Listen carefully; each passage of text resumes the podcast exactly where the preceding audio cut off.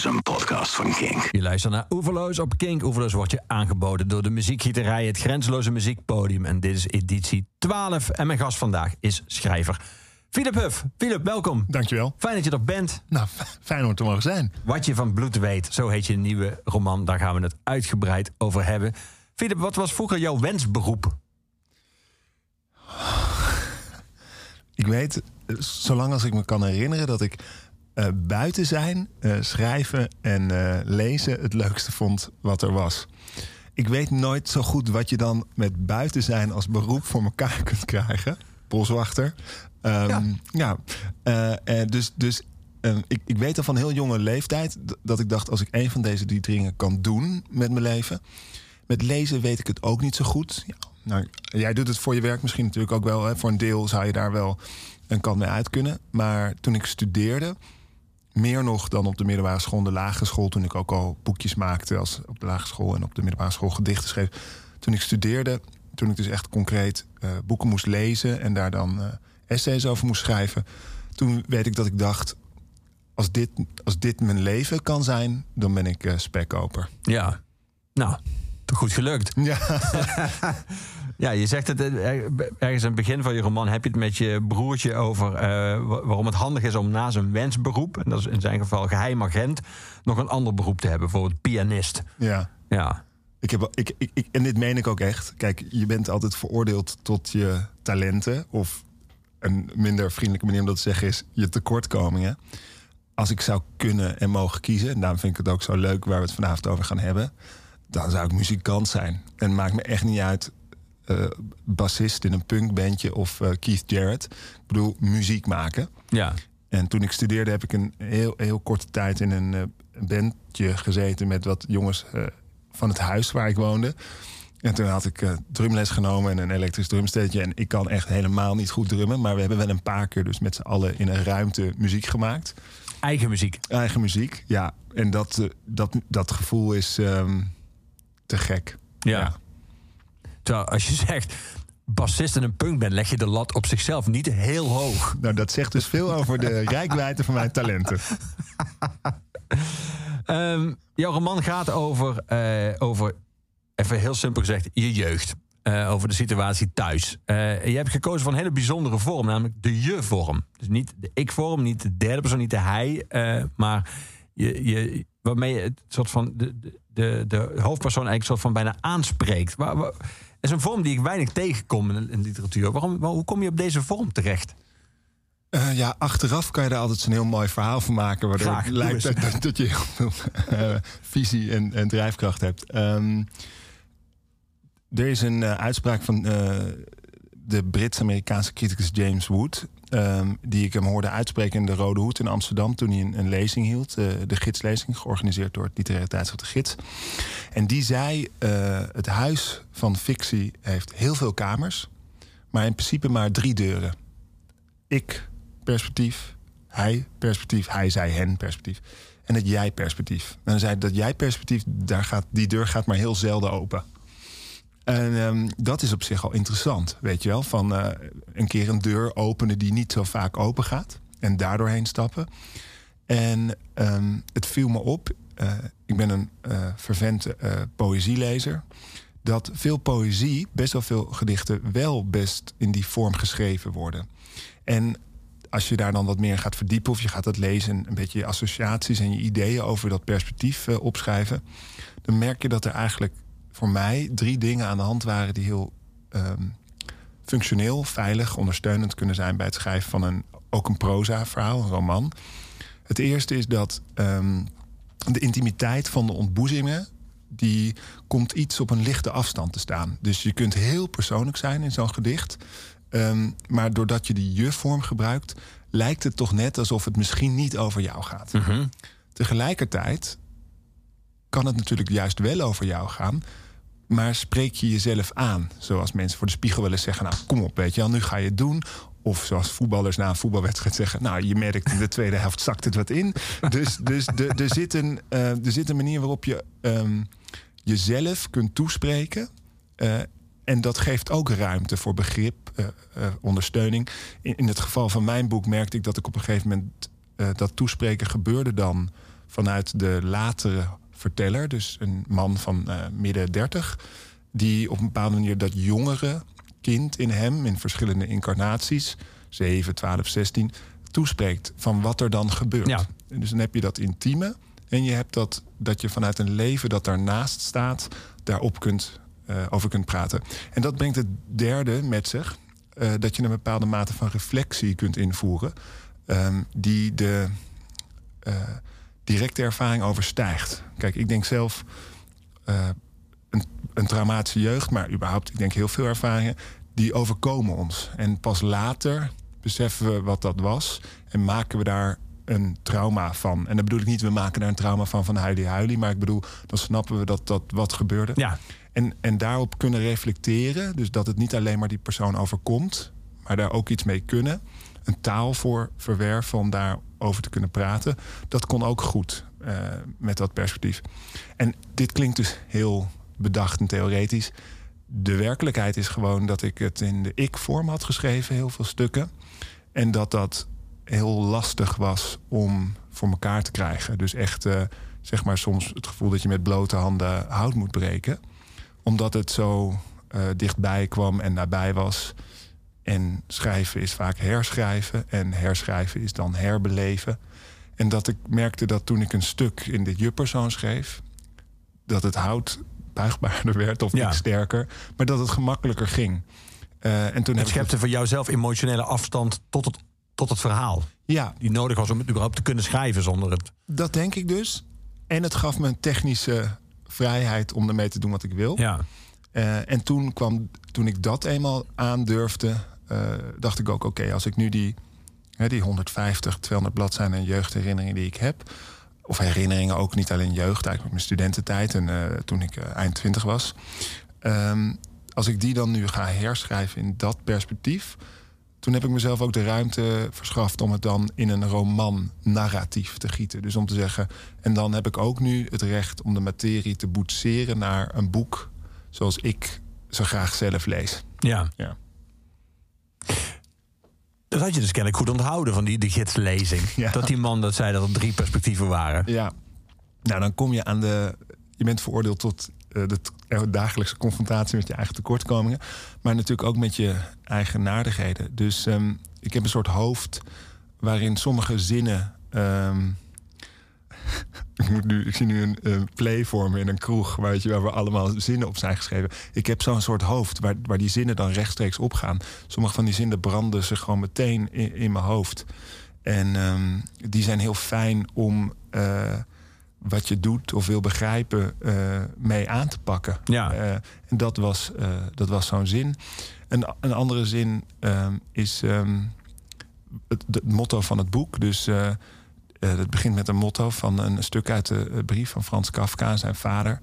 En die heb ik op de middelbare school voor het eerst gelezen. En dat vond ik een, prachtige brief. En toen um, heb ik een jaar in Spanje gewoond. En toen liep ik over een marktje daar. En daar was dat boek in het Spaans te koop. Dat heb ik toen voor een paar euro gekocht. Want ik dacht, die ken ik al, dan kan ik mijn Spaans oefenen. Dus ik heb dat boek eigenlijk al heel lang meegedragen. En zo, dat stuk over waar het mee begint, hè, Ja. trouwen en een gezin stichten... dat is zo'n stuk wat dan ehm, in, de, in, de, in het urinoir van je hoofd eh, op zo'n deur staat. En dat richting geeft aan eh, je opvattingen over het huwelijk en een jeugd. En ook aan je ideeën over wat je met je werk kunt doen. Um, en ik, ik, geloof heel erg, um, het is niet pretentieus klinkt, maar ik meen Heidegger, maar laat het een andere dode Duitse filosoof zijn. Die heeft gezegd: filosofie als een uh, gereedschapskist. Hè, dus, en je verzamelt vanuit verschillende filosofen instrumenten die je kunt gebruiken. Nou, zo'n opvatting over een perspectief kun je gebruiken.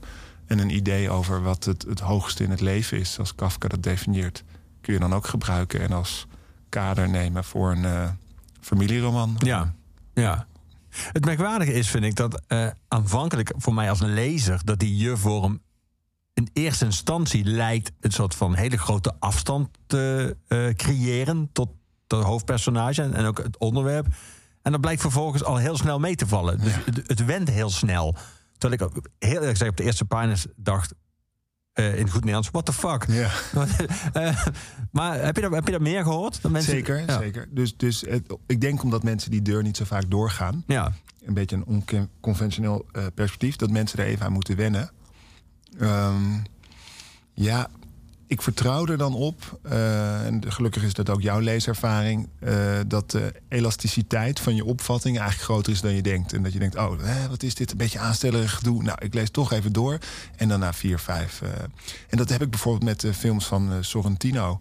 Italiaanse filmmaker eh, van bijvoorbeeld La Grande Bellezza uh, of De Hand van God. Uh, mijn Italiaans is niet goed genoeg om dat te proberen uit te spreken. Over Maradona? Ja. ja. En die maakt hele opulente, visueel overweldigende films met koormuziek en, en allemaal dingen die eigenlijk best ver van mijn esthetica opvatting over kunst vandaan liggen.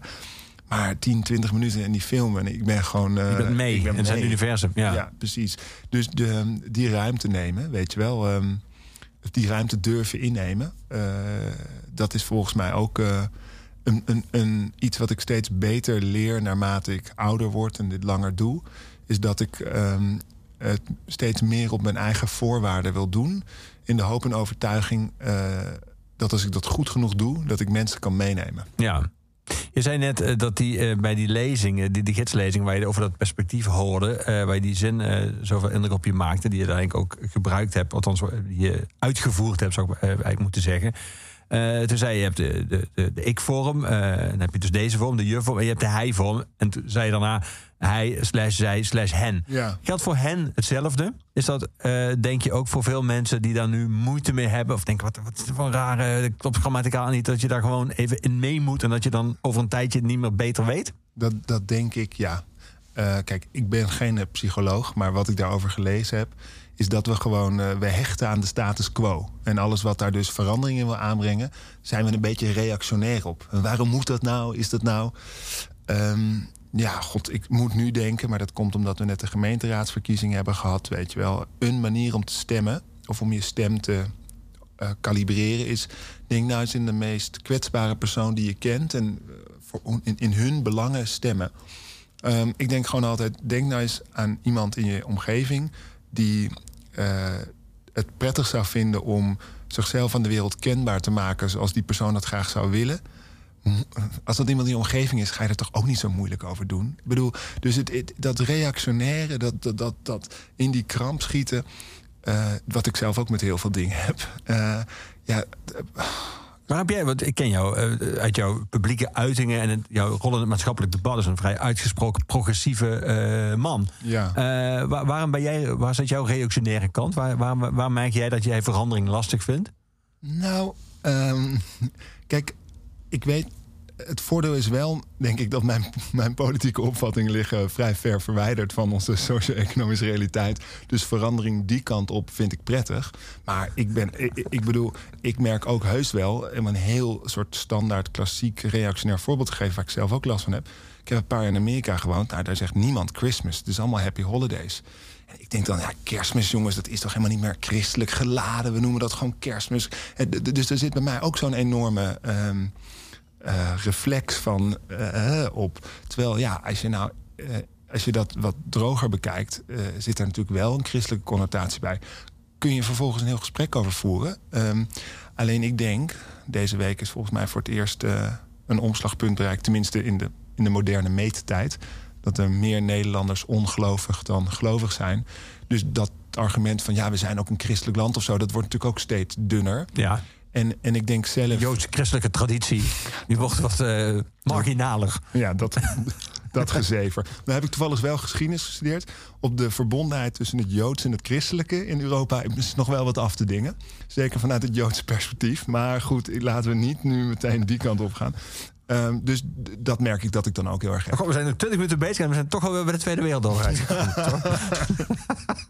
nou, dat is het allerergste dat is maar één uitingsvorm van het, van het uh, antisemitisme uh, op het Europese continent sinds ja. mensenheugenis. Ja. Dus, uh, ja. Ik weet niet precies waarom, maar dat was de eerste die bij me opkwam, we gaan ook muziek draaien, dat zei je zelf aan het begin al. en je hebt een lijstje naar mij doorgestuurd van nummers die je tof vindt. En ik ga daar gewoon willekeurig nummers uitplukken, zodat jij zelf ook niet weet wie komt. En ik wil beginnen met eentje die ik toch even aan je wil voorleggen, omdat je hem niet voor niks hebt uitgekozen. Uh, van dat prachtige Bubblegum-album van Mark Lanigan, die ja. ons helaas onlangs is ontvallen. Ja. Um, hij heeft natuurlijk vele hoedanigheden. We kennen natuurlijk van de Screaming Trees, we kennen van zijn solowerk, Isabel Campbell, eh, Queens of the Stone Age, en dan noem ik dan nog maar een paar. Ja. Eh, wat, is hij vooral, wat was hij vooral voor jou? Was hij, eh, als jij aan hem denkt, aan welke band of welke uitingsvorm denk je dan het eerst?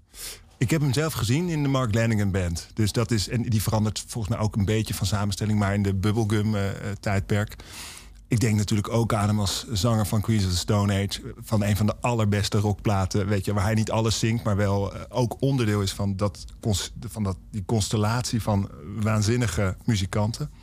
Ehm, en ik, ik denk vooral aan hem als een. eh, zoals ik hem toen zag. Hij was helemaal niet zoals ik dacht dat hij was. Het was best wel een verlegen man. Was je in Tivoli toen? Ja, ik was. Ja, Ja, ja. ja, ja. Ja, het was geen eh, podiumbeest, zou ik maar zeggen. Nee, helemaal niet. En met die arm zo op dat ding en niet kijken. Maar die stem, weet je wel, holy fuck. Ehm, nou, dat sluit ook aan bij mijn ehm, opvatting dat talent willekeurig wordt uitgedeeld. En dat iemand met zo'n stem ook nog verlegen en onzeker kan zijn. Wat natuurlijk zo bizar is. Eh, dus, dus daar denk ik eh, vaak aan. En eh, ik luister eh, Screaming Trees niet zo vaak. Het solowerk van Mark Lanigan wel. Toen ik student was, dat was een soort heilige graal. Weet je, Whiskey for the Holy Ghost en zo. Dat, dat moest je kennen en luisteren. En dat, dat vind ik ook nog steeds heel goed. Maar ik merk dus dat ik, als ik hem opzoek weer... en hij is dus overleden, dus dan ga ik weer terug naar dat werk... dat het, dat het die incarnatie is. En het grappige is... Het is helemaal niet grappig, hij is overleden. In mijn boek heb ik een verwijzingje naar eh, Mark Lanigan. Eh, namelijk, ehm, ergens zegt die verteller dat het moment zich oprekt als kauwgom. En een vriend van mij die stuurde een berichtje en die zei... Mark Lanigan verwijzing? Ik zei, jazeker. Ehm dus dit is van de... Ik denk dat je die nu gaat plaaien, eh, draaien. Ja, van Bubblegum. Ja.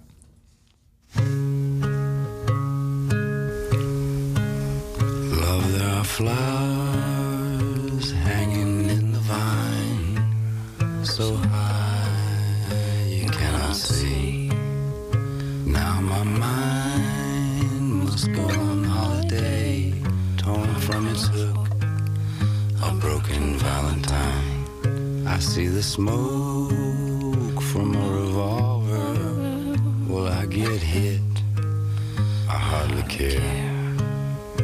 When I'm bombed, I stretch like bubble gum and look too long straight at the morning sun. Love their flowers along the avenue, all things perfectly in place. I build a shrine, I set a monument because you're fire, because you're a fire escape.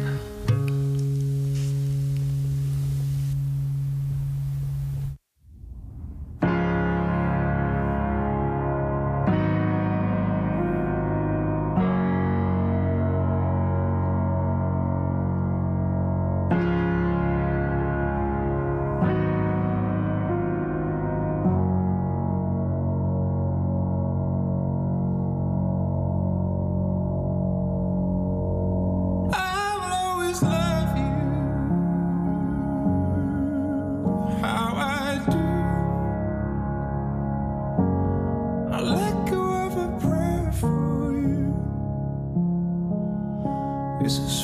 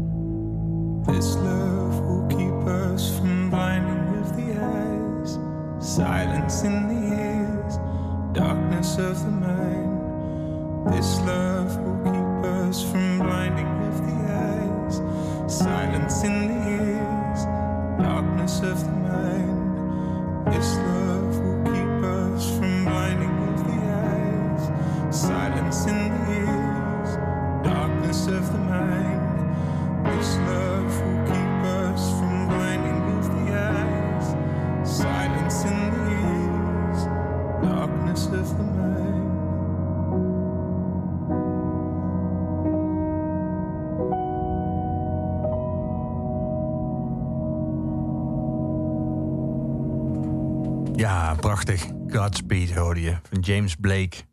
Welke rol heeft hij in jouw leven, dit nummer? En James Blake zelf? Ik eh, ben een enorme fanboy van James. Ik vind echt waanzinnige muziek.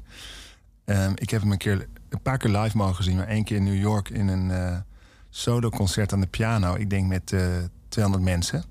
En dat was heel bizar, want er hingen overal foto's van. eh, geen foto's nemen, geen telefoons, geen foto's nemen. Geen... Ik dacht van ja, James, jongen, ik bedoel, je bent wel groot, maar zo groot ben je niet. En we komen hier allemaal toch, eh, we betalen godsvermogen voor die kaartjes. We komen allemaal als liefhebbers.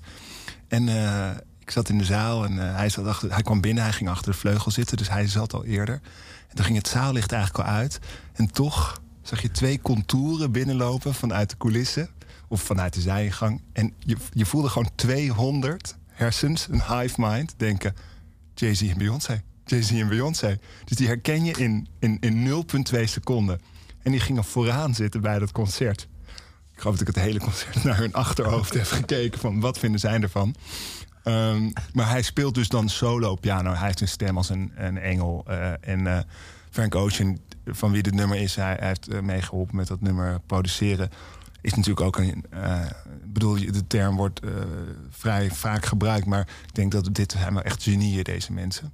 Dus dit vind ik een prachtig liedje, ook in de versie van Ocean. En ik vind deze eh, interpretatie van James Blake fantastisch. Ja. En ik heb dus dit soort ergens in mijn hoofd een hele fijne, warme eh, herinnering aan. eh Jouw avond met JC en mijn Beyoncé. avond met en Beyoncé, ja. Was dat denk je de reden van, die, eh, van dat fotografieverbod en dan niet James zelf? Dat, dat, dat, dat, ja, sorry, daar wilde ik naartoe. 100% natuurlijk. Ja, 100%. En dat snap ik ook, want anders had iedereen de hele tijd die mensen eh, eh, gefotografeerd. Ja, die heb je gewoon anderhalf uur naar een achterhoofd gekeken. nou, ik heb heus af en toe ook wel naar James aan de piano gekeken. En hij zat op eh, Columbus Circle in New York voor zo'n groot raam. En je zag op de rotonde gele taxis rondrijden. En ik moest wel een paar keer even in mijn bovenbeen knijpen van... zit ik hier nu? Ja, snap ik. Eh Filip, een scène uit je boek. Eh, je staat met buikpijn en in je pyjama aan het bed van je ouders... aan je moeders kant een kop koffie in je hand. Je hebt lang nagedacht over wat je gaat zeggen. Mama, zou je alsjeblieft geen ruzie meer willen maken met papa? Je zet de koffie neer op het nachtkastje. Mama maakt geen ruzie met papa. Papa maakt ruzie met mama. Zou je dan alsjeblieft geen ruzie terug willen maken? Je kunt zeggen dat je dat niet wil. Er wordt veel ruzie gemaakt in, Ja. eh, in jouw roman. Een idee dat me toch af en toe bij me opkwam... was het hele primaire idee... wat is ruzie maken eigenlijk toch ook kinderachtig? Ook als je dan deze scène zo beschrijft... eh, het is toch, eh, hij begon niet, ik begon. Het is ook wel zoals op de lagere school. hè. Meester, hij begon. Ja. Het is, het, is, eh, het is emotioneel slopend, dat maak je heel Ja. duidelijk in je boek. Het is, eh, het, is, het is dodelijk vermoeiend. Het, het richt ongelooflijk veel schade aan. Maar uiteindelijk is het ook gewoon heel kinderachtig. Ja, en je ziet dus ook dat de kinderen dan dus de rol van de ouder innemen. Namelijk de kinderen proberen te vragen om het vooral niet te doen. Ja, dat klopt. Ehm, ik, ik zal vanuit mezelf vertrekken. Ehm, ik heb helaas ook de ervaring eh, dat je met iemand in een relatie zit... en dat je eigenlijk gewoon het allerslechtste... nou, misschien niet eens in elkaar naar boven haalt... maar het allerslechtste van jezelf aan de ander presenteert of geeft of deelt... En dat is vaak heel kinderachtig. Dus de ander zegt iets wat je niet kunt verdragen. Dus dan ga je maar heel stil, sikkeneurig zitten doen, weet je wel. Ehm, ik, denk niet, ik denk niet dat het een. eh, dat ik een eh, spoiler alert geef van mijn eh, boeken en mijn opvattingen. Dat, dat ik ook helemaal niet zo onder de indruk ben van mensen. Ik bedoel, ik vind ons vrij ehm, niet zo geslaagde primaten. Ehm, er is ook een reden dat ik eh, Willem Frederik Hermans als tiener en eh, twintiger een fantastische auteur vind. Alleen ik, ik- er is nu bij mij iets naast komen te staan. En dat zit ook in dat boek. Kijk, die primaten zijn als kinderen natuurlijk heel kwetsbaar en nog niet zo schuldig aan, aan, aan wat ons zo'n feilbare apensoort maakt.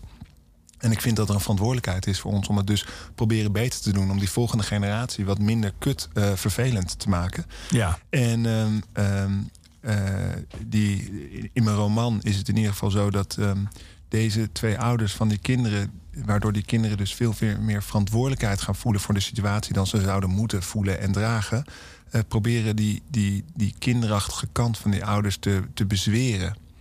En dat doen met vragen stellen, maar ook met allerlei gekke, magisch, realistische gedachten die je dan ontwikkelt als kind. En, eh, en het teleurstellende is dus volgens mij dat. ehm, ik had vanmiddag een gesprek met iemand. Was het maar zo dat ouder worden ook betekent dat je volwassener wordt en wijzer? Weet je wel? Er is gewoon een soort plateau. Vaak voor heel veel van ons, ook mezelf in kluis. En dat is toch eigenlijk gewoon wat jij zegt, het schoolplein. Dat is eigenlijk dat plateau. En dan fiets je het uit en dan kan je, je kan ook 64 zijn en op het schoolplein staan. Ja. Ja. Ja. nou, nog meer onnuchterende levenslessen voor ons bij deze hoeven. Blijft u vooral luisteren, want straks horen we hoe. Nee, dus, dus eh, eh, kijk, ik hoop ook in mijn boek en ik hoop bijvoorbeeld ook, als dat niet te klef klinkt, eh, met James Blake net, eh, er is natuurlijk ook schoonheid. En er zijn echt aspecten die je aan kunt raken en uitlichten van mensen, ook in mijn boek, die, eh, die, die, die, die, dat drijfstand, die uit dat drijfstand omhoog komen. Wat extra knap is, want het heeft een behoorlijk aanzuigende werking, dat drijfstand. Gisteren zat ik bij het Arvo Peert Festival in, ehm, in het muziekgebouw aan het IJ in Amsterdam. En dan zingt een Est-score, eh, eh, mannen en vrouwen, zingt Magnificat van Peert. En dan denk ik, ja, er is toch. En, en, dat vond ik zo mooi van Mark Lenningen net. Dat kan dus ook met een akoestisch gitaartje en twee mensen die niet helemaal in dezelfde frasering zitten. Prachtig zijn. Dus, en, en, en allebei die dingen gaan over iets. Magnificat gaat over, vermoed ik, eh, zijn religieuze componist Peert. Dus over het goddelijke in ons. Nou, dat is die levensvonk. En eh, Mark Lennigan is een wat nostalgischer, melancholischer iemand. Maar dat, dat heb je ook niet als je niet ergens warmte eh, en gloed voelt. Want anders verlang je daar niet naar Nee. terug. Ehm, dus dat probeer ik ook wel eh, aan te raken altijd in wat ik doe. Ja. Je, zei net, je gebruikte net het woord schuldig als je het had over kinderen. Eh, op een gegeven moment schrijft de, de, de hoofdpersoon eh, van, van je roman... die schrijft een, een brief eh, aan zijn broertje... eh, tijdens het derde jaar dat hij in Amsterdam zit. Ja. En dan zegt hij op een gegeven moment... ehm, Lieve broer, je bent niet verantwoordelijk voor de situatie waarin je je bevindt. Die situatie is dus niet jouw schuld. Die is de schuld van onze ouders. En vervolgens zegt hij: tegelijk is het leven geen schuldvraag. Ja. Het draait om hoe je omgaat met wat er gebeurt. Ja. Eh, en vervolgens komt nog een vrij dodelijke zin dat die ouders eh, Om te lachen eigenlijk maar zijn. voor één ding geschikt zijn: om uit te lachen. Ja. Eh, maar dat, die, dat, dat, dat onderwerp, schuld en schuldvraag, Ja. eh, is dat überhaupt interessant voor je in, in een kwestie als bijvoorbeeld die jij in je boek behandelt, namelijk verdriet in een gezin? Of doet dat er op een gegeven moment eigenlijk niet meer toe? Nou, allemaal denk ik. Ik bedoel, het is literair interessant. Hè? Het schuldmotief en thema is echt zo oud als de, eh, als de oudste, als de Ilias. Eh, namelijk, wiens schuld is het dat, we die- dat dit nu niet vlot met deze stad innemen? nou, is het Agamemnon omdat hij de dochter van de priester heeft afgepakt? Of is het Achilles omdat hij zit te mokken en niet meer mee wil doen? Ehm, schuld is een interessante emotie. Hè? Schuld en schaamte eh, zijn corrigerende emoties. Dus we doen iets en het voelt toch niet goed. En daar voelen we ons schuldig over en daar schamen we ons voor. En dan hopelijk doen we dat de volgende keer dus anders en Ja. beter. Ehm, en het is in, in, in deze fase van het boek... is de verteller een tweede of derde jaar student filosofie. Een behoorlijk hooghartige jongen. Wat ook een overlevingsmechanisme is... om zichzelf op afstand van zijn ouders te zetten. Zodat hij denkt, dan, eh, zoals Bruce Springsteen zingt... Hè, Adam raised the Cain, you inherit the sins, you inherit the flames. En ik, als ik afstand neem, dan neem ik die zonde en die vlammen niet over. Hij is wat hooghartig omdat hij denkt dat intellectualiteit en, en begrip... ehm, alles op zijn plaats zet en dat je daardoor overzicht hebt en dus controle. En hij is wat hooghartig naar zijn broertje toe om hem uit te leggen. Eh, Die brief begint met: eh, Ik ben hier een paar keer aan begonnen, maar ik wil het niet te veel over Ja. mezelf hebben. En vervolgens heeft hij het eigenlijk alleen maar over zichzelf. Eh, dus, dus het is ook de conflicterende toestand van een jonge twintiger. die ik ooit eens omschreven heb eh, gehoord door Laura Marling, de Britse folkmuzikante, als functionerende narcisten. Alle jonge twintigers noemt zij functionerende narcisten. Dus, eh, en om antwoord te geven op je vraag, want dat is misschien wel wat je wil. Eh, kijk, die schuldvraag is niet interessant. Het boek, ehm, het boek is geen behandeling van een schuldvraag. Eh, veel interessanter is natuurlijk verantwoordelijkheid. Eh, wie heeft welke verantwoordelijkheid en wie geeft daar op welk moment invulling aan? Ja, ik denk dat dat, dat, dat is, het boek is een portret van hoe mensen falen hun verantwoordelijkheid goed op zich te nemen en in te vullen. En hoe sommige mensen wel proberen verantwoordelijkheid te nemen. Misschien soms meer dan wat voorgeschreven is. Hè. Dus buitenstaanders die proberen in te schrijven. En die kinderen zelf. En, en een van de wat wijzere zinnetjes in die brief vind ik dat hij zegt. eh, hoe klein die verantwoordelijkheid ook is, die je hebt in het hele chaos van het leven. Het is wel het enige domein waarvan je kunt zeggen: daar kan ik misschien iets aan doen. Dus die verantwoordelijkheid nemen voor jezelf. Zelf denk ik, maar ik ben ook geen 22-jarige hooghartige filosofiestudent meer. Dat dat ook heel ingewikkeld is. Ik ben er zelf eigenlijk helemaal niet uit. Sommige mensen kunnen verantwoordelijkheid nemen voor zichzelf en anderen niet. Misschien is dat net zoals muzikaliteit. Ik zet me al, oefen ik 20 jaar. Het is eigenlijk een talent dat je hebt of niet hebt. Wellicht. Ik, ik, ik ben er dus niet uit. Maar ik ben er dus niet zo sluitend uit dat ik vind dat je het iedereen maar kan aanwrijven als het ze niet lukt om die verantwoordelijkheid eh, te nemen. Ehm, maar goed, dat is niet de ontwikkeling. eh, tenminste, dat wil zeggen, daar ben ik nu. Ja. Maar dat is niet de ontwikkeling van de verteller in het boek op dat moment. Nee. En ik denk ook dat hij dat voor, doet omdat hij zijn, pro- zijn, zijn broertje, eh, het broertje in het boek, probeert te motiveren om ehm, op een andere manier om te gaan met dat trauma thuis. En die broer die, die, die vlucht in eh, heel veel drugsgebruik. En, en ehm, ja, dat, dat ervaart die verteller als niet zo constructief. Dus die denkt, die zegt ook van zoek iets, zoek een passie. Ga, ga bas spelen, weet je wel. Dus, eh, ehm, en, en, eh, en dat vind ik op zich liefdevol. Ik snap dus hoe complex het is. Hè? Als lezer van mijn eigen boek, van die brief, denk ik. Maar de, ik snap de, het liefdevolle gebaar, snap ik wel. Namelijk, je probeert iemand drijfhout aan te reiken. Ja. Ergens staat, eh, als het met dat broertje echt misgaat, psychisch misgaat, dat dat ook komt omdat hij alles onthoudt. Ja, Eh, is in jouw ervaring af en toe dingen gewoon vergeten? Of ik zeg nu gewoon vergeten, maar dingen kunnen vergeten. Is dat, kan dat ook een, een remedie zijn om eh, je- jezelf bepaalde pijn te besparen? ja dus ehm, mijn ervaring van mijn geleefde leven is dat... Ik heb niet zo'n bijzonder goed geheugen. Dus ik schrijf altijd heel veel wel van mooie zinnen dus. Ja, ja, nee, dus daar ga je al. En ik weet ook op welke opname van de Beatles Paul eh, McCartney voor het eerst een elektri eh, eh, geen elektrische band Ja. speelde, dus een eerste akoestische Dus belangrijke opname. dingen onthoud je wel. Ja, precies. Ja, totaal belangrijke dingen. Vier mannen in een bandje. Maar nee, dus, dus ehm, maar, maar ik had een keer een akkefietje met de hoofdredacteur van, de, van een landelijk dagblad, een ochtendblad. En eh, dat kwam omdat een van zijn columnisten, een wat oudere column, eh, columnist die een, eh, een reeks heeft die beweringen en bewijzen heet, mij verward had met een andere, met een auteur, Gustav Peek, die een manifest had geschreven over het communisme. Ja. Nou, vind ik als je je column beweringen en bewijzen noemt... en je zegt dat Exile on Main Street de beste plaat van de Beatles is... dan denk ik, nou... Dus ik had een bericht geschreven en gezegd van... jongens, eh, alles leuk en aardig, maar ik heb helemaal geen communistisch manifest geschreven... en eh, ik heb door Amerika ook heel erg geleerd hoe gevaarlijk het kan zijn... als je bepaalde termen opgeplakt krijgt. Want dat proberen ze in Nederland nu ook met woke. Dat Ja. woke is kut straks, en dan, dus dan kan niks meer progressief zijn... En bovendien, ik ben volgens mij een eh, democratisch socialist. Eh, ik weet helemaal niet of ik een eh, communist ben. Dus ik zei dan even een aanvullingje of een verbetering of een correctie. Nou, dat was allemaal heel erg moeilijk. Dus ik- kunt het gewoon aantonen. Je kunt het gewoon Ja, laten zien. Denk, juist. Gustav ja, en dus, ik. Ja, dus 24 mails heen en weer. Uiteindelijk werd dan besloten dat die columnist vier weken later zelf in zijn column onderaan zei...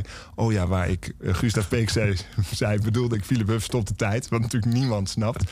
Dus ik vond die, die hoofdredacteur daarin best wel teleurstellend optreden. Weet je wel, gewoon jongens, klopt, fout. Dus ik, ik, had, ik dacht, wat een... eh, dus, en ik had veel mails gestuurd op een wat gepiek, geïrriteerde toon. Toen stond, stond ik op een... eh, in het theater in Amsterdam ergens. Toen kwam er een man naar me toe en die gaf me heel vriendelijk een hand en stelde zich voor en we raakten in gesprek. En dat was eigenlijk een heel leuk gesprek. Hij liep me weg en toen zei mijn beste vriendin, die zei, je weet niet wie dat was, hè? Dus die naam. Ik zo, nee. Hij zo, dat was eh, De hoofdredacteur van die krant. Juist. Ik zo, oh. En toen zei zij, het is ook wel een beetje jouw superkracht. Dat goudvissengeheugen. Dat je dus die dingen die je heel erg grieven... soms gewoon flop door, door, door het rooster naar beneden vallen. Ehm, ik, ik, ik, denk het wel. Maar kijk, met, met, met trauma uit je jeugd is het natuurlijk anders. Dat manifesteert zich ook in je gedrag. En Ja. in je psychologie en in je wereldbeeld. Eh, ik heb heel lang absoluut geen kinderen gewild. Ik kan misschien niet mijn hele jeugd naschrijven zoals Knauskeert... maar wel goed genoeg, zoals in mijn eigen boek... om duidelijk te maken waar dat vandaan komt, weet je wel. Ja. Maar het is wel zo dat... eh, ik, ik wil een beetje oppassen met het vermengen van mijn eigen leven en de roman. Maar het is wel zo dat mijn ervaring is dat... eh, mensen die dingen nog beter onthouden... die dus echt die dingen de hele tijd voor zich kunnen zien... die, die moeten daarom misschien wat meer blowen. Om dat gewoon eh, weg te krijgen, stil te leggen. En ik heb dus vanzelf dat het wel wat vaker naar de bodem zakt. Ja.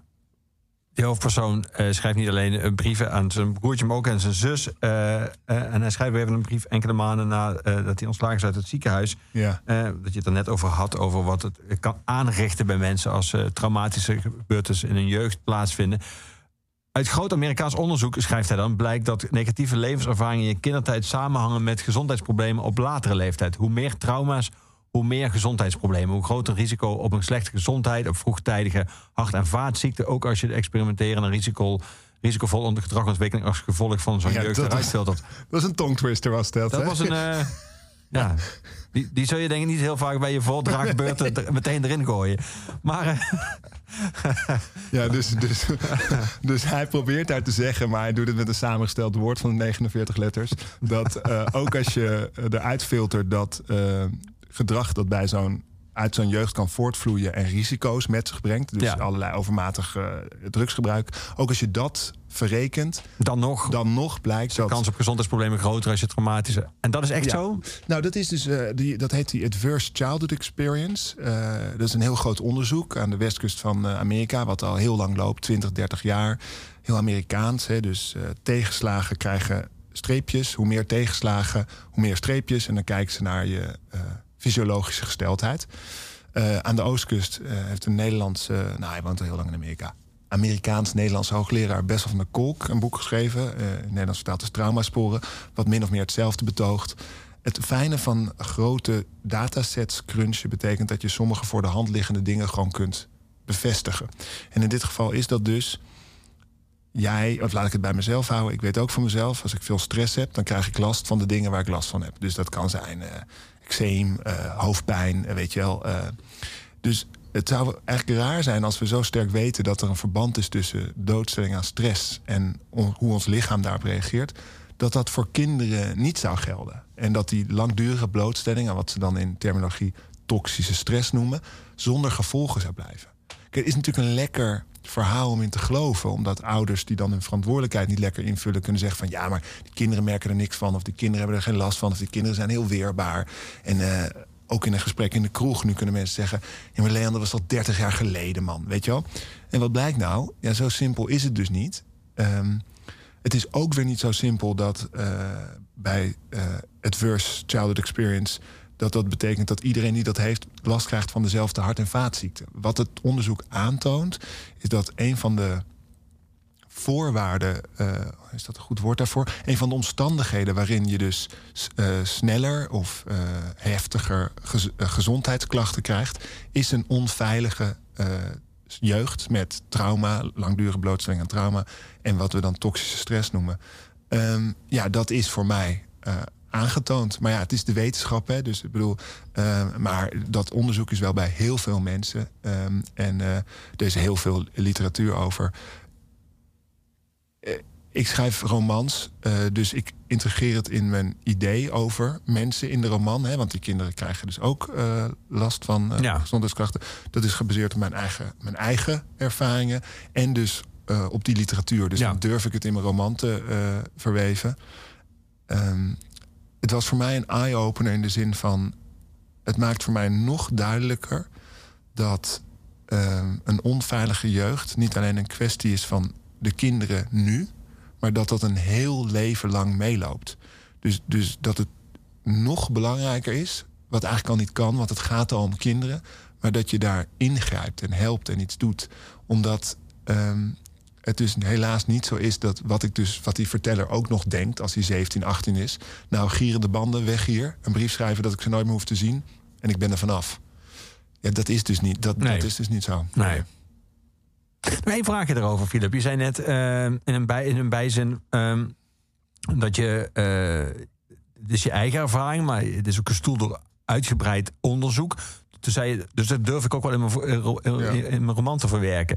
De reden dat ik eigenlijk eh, vroeg of het echt zo was, is dat ik me zou kunnen voorstellen dat het je eh, goed uitkomt, om het even eh, Ja. heel negatief te zeggen, in, in, in, in het verhaal dat je wil vertellen. Maar ik zou het jou niet nadragen als je een onderzoek had overdreven. Dat er gewoon, want je, je bent romancier, dus Ja. je, je mag eigenlijk elk onderzoek Klopt. opvoeren, ook als het niet bestaat. Ja, nou, Leon, waarom ik zo uitkijk naar dit interview is omdat deze vergelijking maakt dan altijd en die slaat echt het nergens op. En het is ook weer zo'n witte man in zijn platen staat vergelijking. Maar eh, ik doe dat op die manier, zoals zeg maar Arvo Peert eh, bij de muziekzaak bij modern gecomponeerd staat. Of Keith Jarrett bij de jazz. Maar dat wil natuurlijk helemaal niet zeggen dat eh, zeg maar soul of eh, Spaanstalig of het chanson of zo. Er zijn natuurlijk allerlei manieren waarop je fictie kunt schrijven.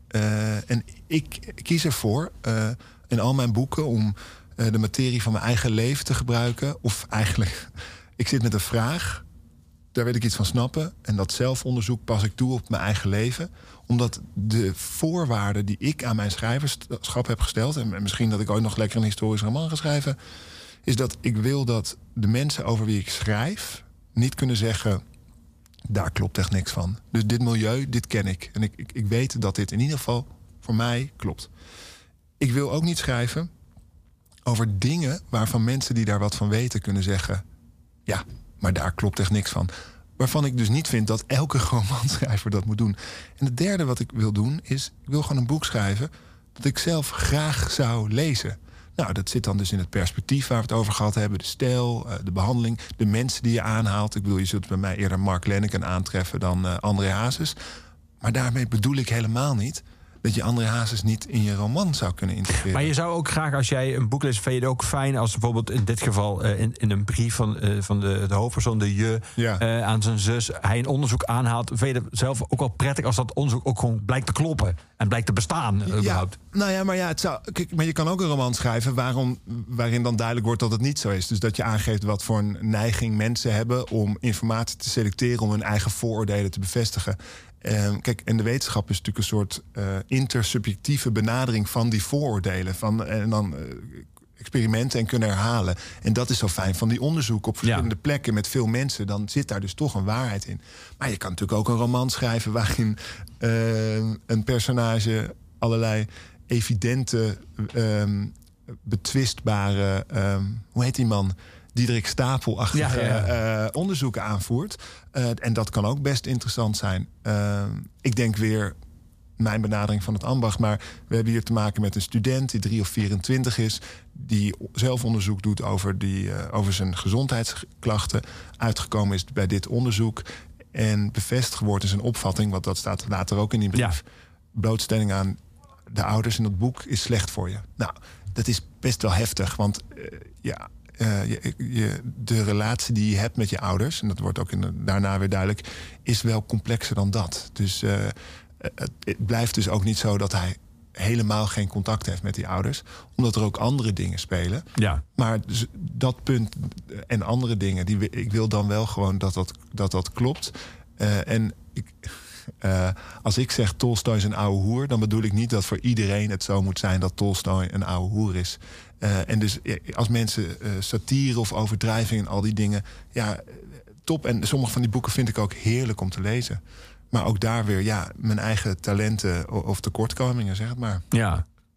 Gaan muziek draaien, Filip. Een nummer dat niet op je lijstje stond, maar je had het net zelf aan toen we het hadden over wat je doorgeeft aan je Ja, kinderen. Nou, Steven Zent op de gitaar, denk ik. Precies.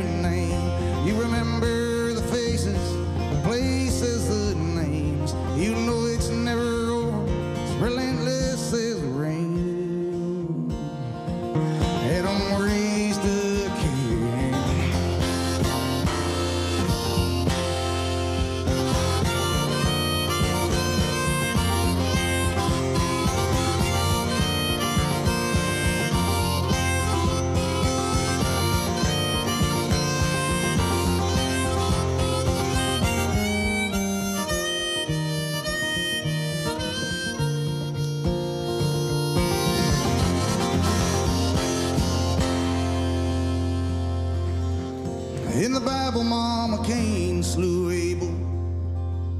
East of Eden, now he was cast.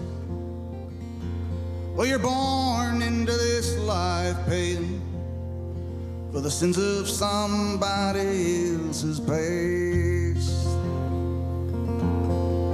My father worked his whole life for nothing but the pain. Now he walks these empty rooms looking for someone to blame. You inherit the sins, you inherit the flames. Adam raised the king. We're lost but not forgotten in the dark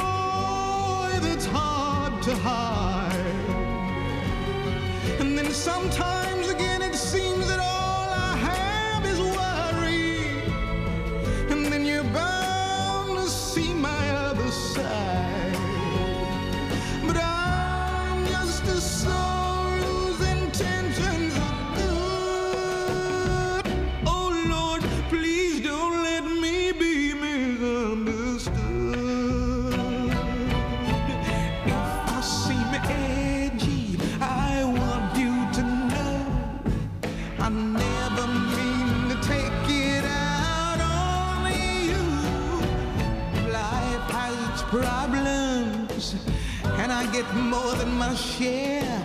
But that's one thing I never mean to do, cause I love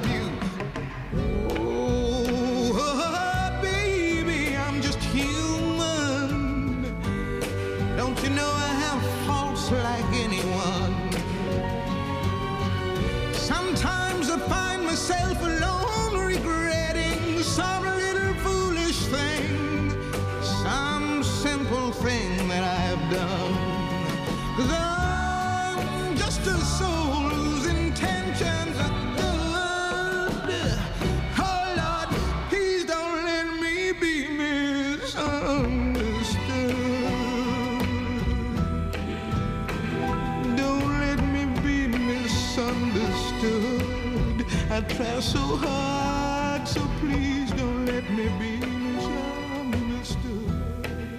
Ja, Philip. Eerst hoorde je de live versie van een van de live versies van Springsteen van Adam Race the Kane. eh, Ja. Die je aanhaalde. Dus ik dacht, die moeten we even. Die moeten Ja. we even. Was dus Draaien. niet met Miami Steve. Met Nee, die, met hij die deed- blistering gitaarpartij. Hij ja. deed helemaal zelf. Ja. Met zijn mondharmonica erbij. En daarna hoorden we Nina Simone. Don't Let Me Misunderstood. Ehm, waarom deze? Waarom stond die in jouw lijstje? Eh, nou, ik, ik moest denken bij Springsteen trouwens, eh, toen we naar luisterden. Je- we hadden het over Kafka en Brief aan Vader, weet je wel. Eigenlijk zijn hele heeft haar boek ooit mededelingen aan mijn ouders genoemd. Kan het denk ik voor heel veel werk. eh, maar bij Springsteen is het eigenlijk ook zo duidelijk Ja. hè, dat dat allemaal eh, brieven aan zijn vader eh, zijn. Zeker. En dus eigenlijk ook bespiegeling op intergenerationeel trauma. Wat doe ik nou wat, met die woede die ik van mijn vader heb gekregen? Wat moet ik daarmee? Weet je wel? Als ik niet zo'n man wil worden die door lege kamers dwaalt en de, de ruzie, de schuld bij iemand wil neerleggen. Ja. Dus, eh, eh, en dan gewoon een waanzinnig nummer. Ik, ik zag hem in eh, het Goffert Park in Nijmegen, weet ik van vijf, zes, zeven jaar geleden, tijd, tijd terug. En toen speelde die. hij speelt, ja, hij weet het veel beter dan ik, maar hij speelt altijd drie, drieënhalf uur of zo. Ja. Zo genereus. En dat was een tour dat, dat ze dan ook één album van begin tot eind spelen. Ja. En dat was Darkness of the Edge of Town. En, en- maar, en ik ben niet een super grote Springsteen-kenner, maar dat, die plaats vind ik echt fantastisch. Er staat ook Adam Race de, de Kane op. En toen regende het. Hij is al eh, 60, eh, 63, weet ik veel hoe oud hij nu is. En eh, hij, hij speelde in het gitaartje in de regen. En, en eh, elke keer weer zei hij van... eh, iedereen stond dus in de regen. En hij ook van, eh, moet ik stoppen, weet je wel? Eh, eh, Regent het al hard genoeg? En nee, nee, nee. En wat ik zo mooi aan vond... eh, maar goed, ik, ik predik nu letterlijk tegen het koor. Er staan er dus kinderen van 12, 20... de ouders van 45 en de opa's en oma's en zo. Dus die... ehm, die rijkwijde van die muziek, die echt heel erg bespiegelt op heel veel wezenlijke dingen. Ook de Amerikaanse droom, eh, Ja. die, eh, die, die, die vind ik fantastisch bij, eh, bij Springsteen. En vind ik dus ook bij Nina Simone. Ik bedoel, ik, je kan van Nina Simone echt bijna alles draaien, vind ik. En het is goed. Dit is gewoon een lekker nummer van haar. Het is ook trouwens gewoon een heel lekker nummer. De versie van Joe Cocker is ook goed. Ja. Ehm, en, ehm, eh, maar ehm, wat ik, waarom Nina Simone opstaat, is omdat je hebt een buitencategorie artiesten in je eigen leven. En ik, ik denk ook wel voor meer mensen dat dat van sommige mensen geldt. Dus dat wordt dan de buitencategorie. Sommige mensen zet ik op of dan heb ik een nummer en dan zet ik het aan en denk ik, oh nee, toch niet. Heb ik toch geen zin in. Dat kan ik nu toch niet hebben. En met Nina Simone heb ik dat dus niet. Die kan ik altijd hebben.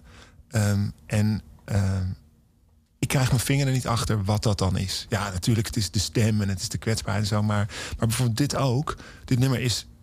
eh, ja, eh, het fits her like a glove, weet je wel. Ja. Het gaat over... Het is een wispelturige vrouw, Nina Simone. Een prachtige documentaire, een paar jaar geleden over haar gemaakt. Eh, maar ook daar... Eigenlijk moet iedereen gewoon die documentaire kijken. Maar er zit een moment in dat, dat ze in een programma zit... volgens mij van... Hugh Hefner of, of, of echt een heel raar programma, zwart-wit. En dan zit ze in een soort lounge, in het Playboy programma heet het volgens mij ook of zo. En dan doet hij zo'n praatje, zij zit aan de piano. En dan krijgt ze het podium en dan speelt ze solo aan de piano... een versie van eh, I Love You Porky uit de, de, de musical Porky and Bess. En het is gewoon iemand die dus je helemaal naar binnen zuigt. En eh, in de poëzie, in de fotografie noemen ze dat punctum, weet je wel. Het is iets onverklaarbaars, maar je kan er niet, niet naar kijken of luisteren. En dat heb ik met Nina Simone en daarom moet ze op het lijstje. Ja. En daarvan draaide waar. Ja, Er zit één eh, passage in eh je eh Philip, waar eh, ehm, op een gegeven moment ehm, de, de opa is overleden.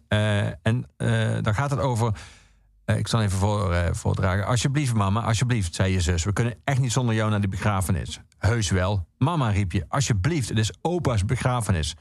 Het is de begrafenis van een klootzak, ja, die ons nooit wilde helpen. Die al jaren niet meer met je vader praatte.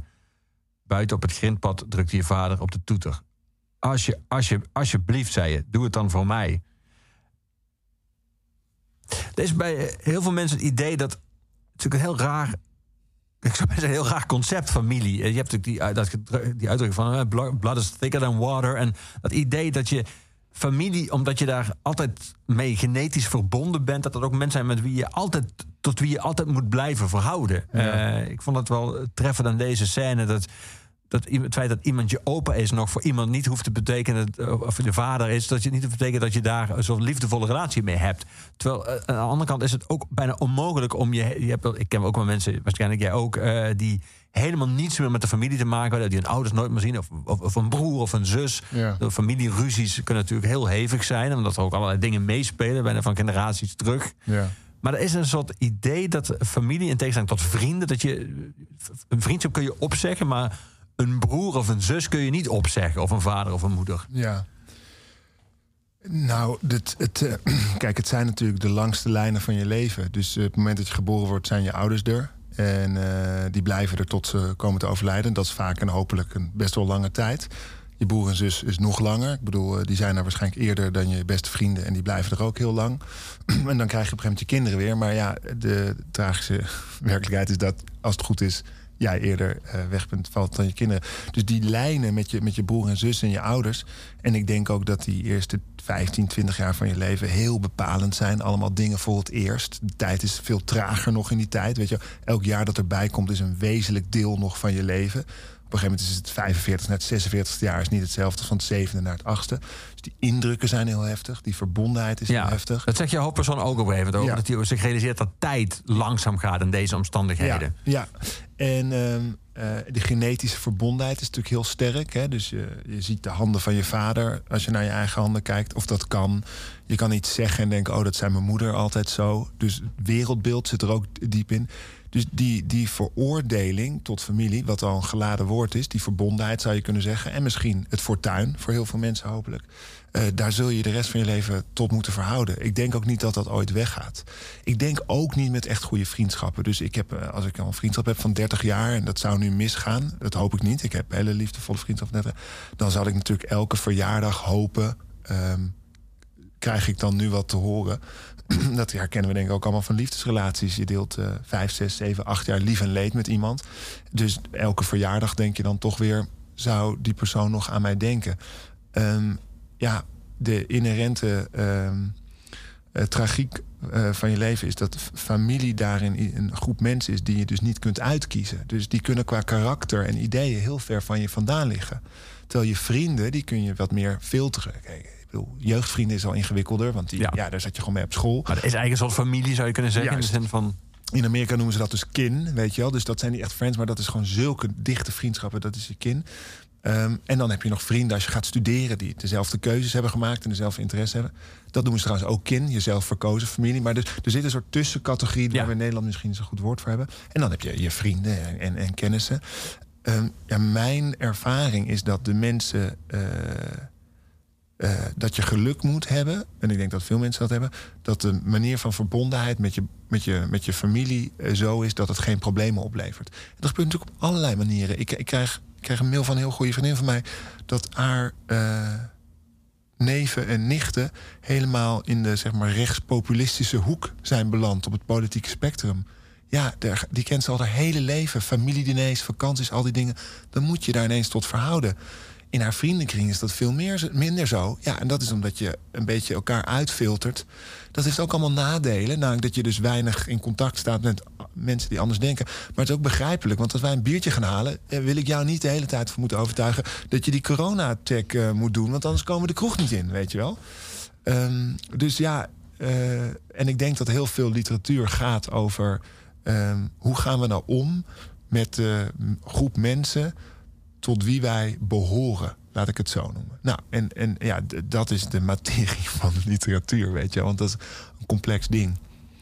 Ik zat te denken bijvoorbeeld of ik dan Nina Simone nu genoeg recht doe. Want haar hele levensverhaal als zwarte vrouw met zoveel talent. En ze wil klassiek pianist worden en dat lukt niet. En, en, en een vrouw die haar daarin stimuleert. En de moeilijke band met haar ouders en, en, haar, en haar man en zo.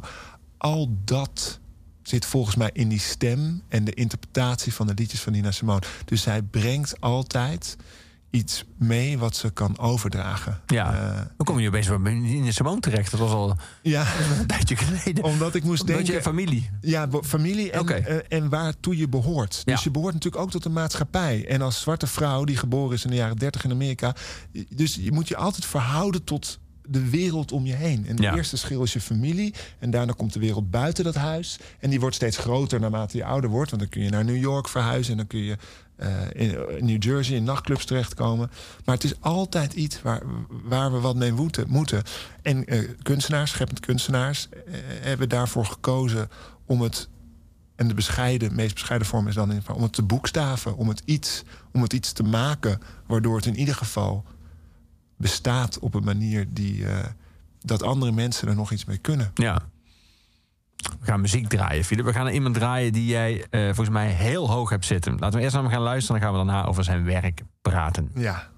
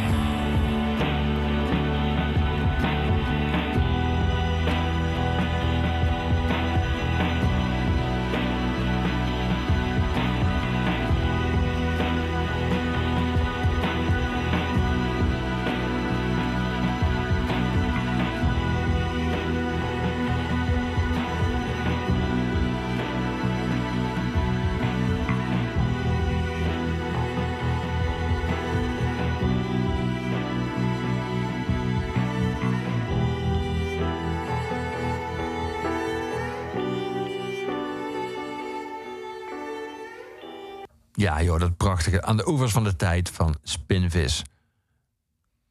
Kun jij eens proberen te, uit te leggen waar jouw enorme liefde voor het werk van Spinvis eh opgestoeld is? Nou, dat hebben we eigenlijk nog helemaal niet aangeraakt. Maar eh, popmuziek is natuurlijk zo overweldigend... omdat het in die hele belangrijke periode van je bewustwording en volwassen worden... eh, ingevlochten wordt met, met het weefsel van je leven. Dus ehm, ik zat eh, in de laatste klas van de middelbare school... en toen kwam zijn eerste plaat uit. Dit was allemaal nog voor het pre-streamingstijdperk. Dat was een cd'tje met een cassette erop. Ja. Niemand had eigenlijk enig idee wie die gast was. Verscheen bij Excelsior, goed label. En ik vond het gewoon eh, onthutsend goed. Eh, en Het ging dan alleen maar over het feit dat hij een nieuwe gein op een kamertje zat en dat zelf aan elkaar had geknutseld. Ja, dus de mythologie is altijd belangrijk bij Ja. alles, weet je wel. Maar ja, ik vond het.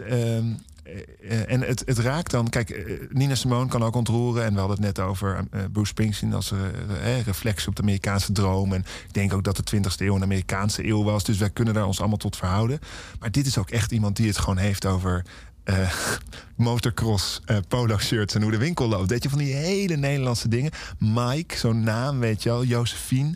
Eh, dus dat, dat vervlecht zich dan zo helemaal met je eigen leven. En ik vond het gewoon echt eh, tof dat hij... eh, op die eerste plaats is het ook zo'n moment dat hij ergens roept... jongens, weet je wel. Dat die, de, de inzet leek heel persoonlijk. En zelfs als dat geboetseerd, geboetseerd is... en een kunstenaar die aan het woord is... Het, het voelt heel intiem, die muziek. Dus dan laat je het binnen in je eigen leven. Ja. En dan gaat zo'n liedje als limonade, limonade glazen vodka... ook over een vriend die je zelf ontvallen is. En, en dit liedje gaat voor mij heel erg over mijn... eh, vriend, vriendin van toen ik student was. eh, helemaal omdat wij woonden in een appartement. En eh, daaronder woonde haar zus en de vriend van die zus. En, die vriend heette zelfs Mike. En die zusternaam leek heel erg op, op de naam. Dus ehm, ik, als ik. het is een soort soundtrack geworden bij mijn eigen herinneringen. Als ik dit nummer hoor, dan zie ik al die beelden weer voor me. En ik vind dat hij, die platen daarna, tot ziens, Justine Keller of zo... hij is gewoon iemand die eh, ja, cinemaliedjes maakt. Dus Ja. je ziet het allemaal gebeuren in je hoofd. Eh, ik, ik vind het heel muzikaal. Ik bedoel, hij heeft een beetje een gekke lijzige stem... maar het zit, de melodielijntjes zijn altijd heel pakkend. En de drumpartijen en de strijkers en zo. Ik bedoel, het is echt iemand die iets in elkaar zet... met heel veel liefde eh, voor het ambacht. En live is hij ook overweldigend goed. Ik heb Ja. hem echt vaak gezien. Het is met veel muzikanten. Er wordt echt muziek gemaakt en het Ja. plezier spat er vanaf. Grappig is dat hij toen, die eerste, toen dat eerste album uitkwam, eh, waar je net refereerde, toen had hij nog het vaste voornemen dat nooit live te spelen. Want hij toen van overtuigd was dat dat live niet gebracht kon worden. Ja, nou, dus is helemaal niet waar. Er is een EP'tje volgens mij en dan speelt hij eh, ook eens zo'n liedje alleen met akoestische gitaar. Ik heb hem trouwens ook als liedje. Een goed liedje is een goed liedje. En dat is ook op die gitaar onverwoestbaar goed. Ik zat een keer achter eh, JC en Beyoncé. Oh, sorry, nee, dat was een andere vraag. backstage bij een, eh, bij een concert eh, waar hij ging eh, spelen. En ehm, eh, er stond muziek op en we waren aan het eten. Hij zat een tafel verder en hadden een discussie aan tafel over politiek en de vluchtelingen. En ik, ik had mijn gebruikelijke woede weer op eh, politici die eh, Fort Europa willen oprichten. En eh, ik schoot in de overdrijving en de hyperbol en de satire. Dus ik riep, ja, dan hebben we straks allemaal patrouillebootjes. En die varen daar gewoon rond en die schieten die, die boten van die vluchtelingen gewoon lek. Nou, het scheelt overigens niet zo heel veel met wat we doen. Net toen ik dat zei, viel de muziek uit. En was de rest van het gezelschap ook niet zo luid. Dus ik zei in een kamer waar Erik de Jonne ook zat, net iets te hard. Ja, dan schieten we die bootjes gewoon lek in de Middellandse Zee. Eh, en hij keek zo mijn kant op en hij dacht: wat is dit voor een enge rechtse, rechtse jongen? Eh, en dat is nooit, ik heb nooit meer de moed opgebracht daarna om, om, een, om een hand eh, te geven. Thierry Huff noemt hij jou. Exact, ja. Dus, maar ik ben een stille, een stille bewo- bewonderaar en een, en een groot fan, ja. Ja. Er zit een eh, scène in, in je roman, eh Philip, waar eh, op een gegeven moment de, de grootmoeder tegen de hoofdpersoon zegt: Op zolder ligt een koffer vol met geld. Ik wil dat je die meeneemt. Het geld mag beslist niet naar mijn zoon of dochter.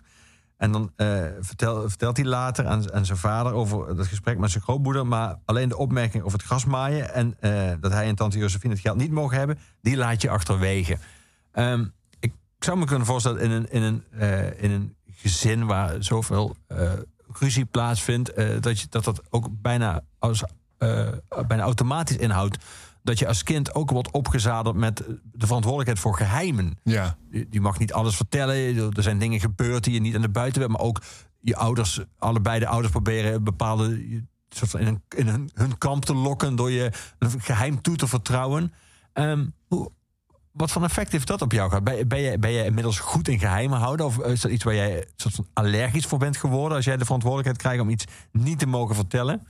Mijn eh, andere ex-vriendinnetje, ik heb twee ex-vriendinnetjes, de enige andere. Die ehm, was er in het begin nog wel eens bij als ik eh, naast haar liep aan de telefoon en een leugentje vertelde wat zij dan wist.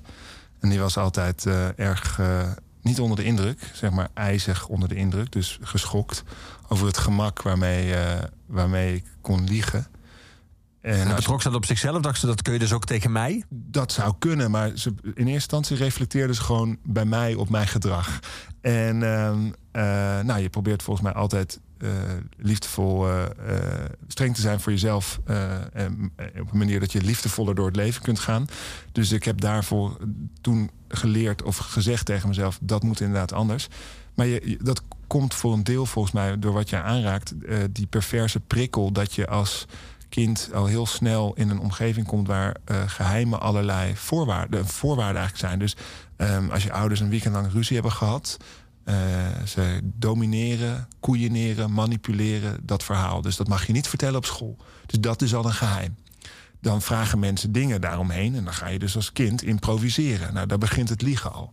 Maar ook in het boek zit de verhouding dat eh, als je geheimen vertelt aan je ouders, dat die dat kunnen inzetten tegen jou. Dus dat ze het gebruiken als eh, chantage. En ook een element wat je er als lezer eh, gelukkig, nou ja, ik ben blij dat dat naar voren komt uit het boek uitlichten, dat dus de ouders zelf geheimen vertellen aan de kinderen Ja. om, een, om voor leverage, weet Ja. je wel, om- als onderhandelingspositie en dingen of zo.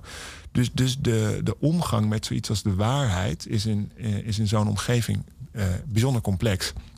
En je leert jezelf, kinderen leren zichzelf, de verteller leert zichzelf overlevingsmechanismen daarin aan. En één daarvan is dat die eh, verteller heel goed eh, leert eh, liegen, ook tegen zichzelf. Dus hij heeft dan iets later heeft hij een vriendinnetje en die, die, die zegt, dan probeert hij het zo te draaien dat wat hij verkeerd doet door haar komt. Zeg maar gewoon oude, ou- ouderwets spinnen. De, Ja, ja. de, zeg maar, de verheven vorm van liegen. En da- daar komt hij bij haar dus niet mee weg. Zij accepteert het niet. Dus de, dan, dan gaat dat overlevingsmechanisme... dat je voor jezelf hebt aangeleerd als kind... om, om maar niet in ongemakkelijke posities te komen... en eh, deflectie te kunnen doen... gaat tegen je werken, omdat je partner op een gegeven moment denkt... ja, dit, dit, dit trek ik niet, daar heb ik geen zin in misschien in mijn eigen leven, maar goed, daarom is het een roman en je kan niet alles aandragen. En ik had ook geen zin om die relatie in het boek eh, te beschrijven. Dat in die relatie mijn partner wel ook dacht: hmm, iemand die met zoveel gemak ergens over kan liegen, is dat wel een betrouwbare partner? Eh, ja, dat denk ik niet. Dus dan eh, is het belangrijk om proberen een wat betrouwbaarder partner te zijn. Ehm, maar ja, ook daar ben ik een eh, behoorlijk eh veilbare persoon in. Ja. Nou, zullen we dan maar een minuutje draaien? Ja. Om het op te vrolijken. Bijvoorbeeld deze. Ah.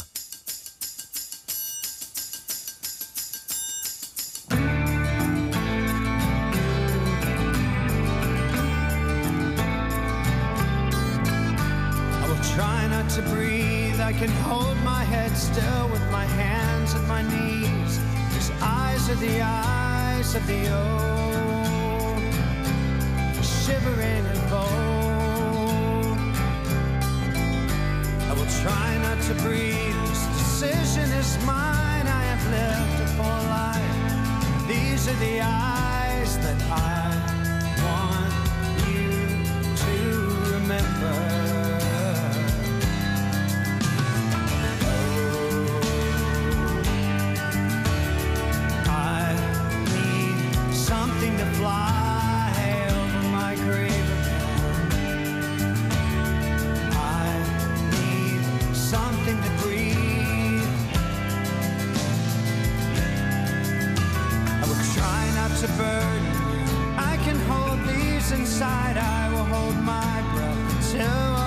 Shivers subside. Just look in my eyes. I will try not to worry you. I have seen things that you will never see. Leave it to memory me.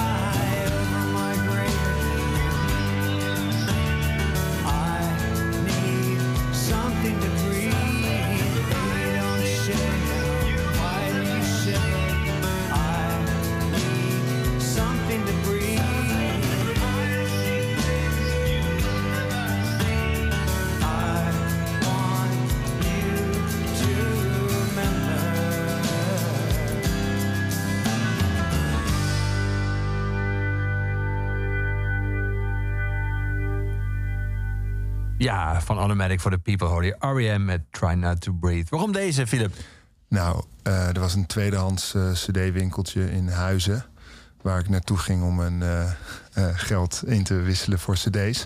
En dan moest je dan heel... die beperking had ook een charme. Dus eh, het betekende ook dat je iets kocht... en je daar dan heel erg in eh, moest verdiepen. En eh, er was daar een Automatic for the People... en Losing My Religion was een hit op televisie. Dus die, je zat te wachten tot die clip weer voorbij kwam... En de stem van Michael Stipe vond ik zo ongelooflijk. En nog steeds, denk ik, als ik het zou moeten zeggen... dat is de stem die, eh, die mij het, het aller... eh, dat cd'tje had ik vervolgens gekocht, Automatic for the People. Ik vind dat een van de beste platen van de afgelopen 50 jaar. Dat ging in Discman. En elke avond voordat ik insliep, luisterde ik dat. En dan kwam die stem langs en eh, die nummers... Nightwing, Find the River. En waarom deze? Nou, verwijs ik je naar mijn boek. Dus dat I Will Try Not Ja. to Breathe. Dat zit heel erg in dat boek. Uh, I've seen things that you will never see. En... ehm, eh, ik moest er ook lachen toen je het aanzette, omdat aansluitend tot waar we eindigden, namelijk eh, mijn ex. Ik liep in New York met haar door eh, een galeriebuurt. En ik kijk naar links. Nee, ik hoor een stem op links. En mijn hersenen registreren gewoon. Dat is Michael Stipe. Dat is de stem van Michael Stipe die ik altijd hoor. Ik kijk naar links. En Michael Stipe staat daar dus op twee meter afstand. Ehm, en dus ik kreeg het helemaal. Dus ik zei: Oh mijn god, dat is. En toen zei zij: Wie? Maar ik kon natuurlijk niet zeggen Michael Stipe. Ik kon ook niet zeggen R.E.M., de zanger van R.E.M. Dus ik zei: "Eh, Die zanger van die band met drie letters. en zij zei: BZN? dus eh, ehm, er zit ook een hele leuke en warme eh, herinnering aan, eh, aan Michael Stipe. En ehm, ik vind ehm, die plaat Automatic for the People... Ja, nu ga ik nerd fre- freakjes doen. Hè, dus dus eh, Kurt Cobain werd gevonden eh, in een huisje bij zijn eigen huis. En de- deze plaat zat in de cd-speler. Of hij hem dan wel of niet als laatste geluisterd heeft. Maar dus eh, die waardering, zeg maar. Dus dat zo iemand als Kurt Cobain die plaat ook. Want het is een hele ingetogen, zachte... ehm, wistful, melancholische plaat over verlies van ouders en Ja. liefde. Die jongens zijn allemaal begin 30 als ze die plaat maken. Dus dit- ik groei er ook nog steeds meer naartoe. Nog, of nu, ze zijn nu zo oud als ik nu was. Het is een plaat die ik eh, gewoon heel vaak opzet van begin tot eind. Eh, eh, wat steeds meer uitsterft volgens mij in, in, in hoe we muziek tot ons nemen. Maar en dat, dat begon dus allemaal bij. eh, ik zie het nog voor me, dat het gele hoesje, dat was dan heel bijzonder, dat het achterkantje geel was. En dat stickertje met de handgeschreven de prijs erop. En ik kocht hem voor, eh, voor Losing My Religion. Ja. Dat nummer is, dat, eh, dat is echt zo verschrikkelijk vaak gedraaid op de Ja. radio. Kun je, kun je een nummer dooddraaien, vind jij? Bijvoorbeeld Losing My Religion. Dus, ehm, sorry, Losing My Religion staat natuurlijk op Out of Time. De- de plaat ervoor, eh, ja. ik, Ja. ik bedoel eh, het nummer... eh, Drive. nee, ja, dat ze in die auto's zitten. When the day is and the night, night is- Ah, ja. hoe heet die nou? Everybody Hurts. Everybody. Hurts, dankjewel. Zelfde verhaal, zo vaak gedraaid. Ehm, ja, wat ik daar dus leuk aan vind... ehm, het is tegelijkertijd wat je wil als artiest. Volgens mij een nummer schrijven dat iedereen evergreen, kent. Een ja. evergreen. Ehm, maar het moet je ook niet belemmeren. Dus ik was ooit in Tivoli bij een concert van de Waterboys. Een Schots-Iers-achtige band. En die hebben eigenlijk één rammer van een hit. Ja, Hole of the Moon. Ja. Nou, Prince heeft die gecoverd. Dus dan, ik zou lekker kunnen slapen als ik dat nummer had geschreven.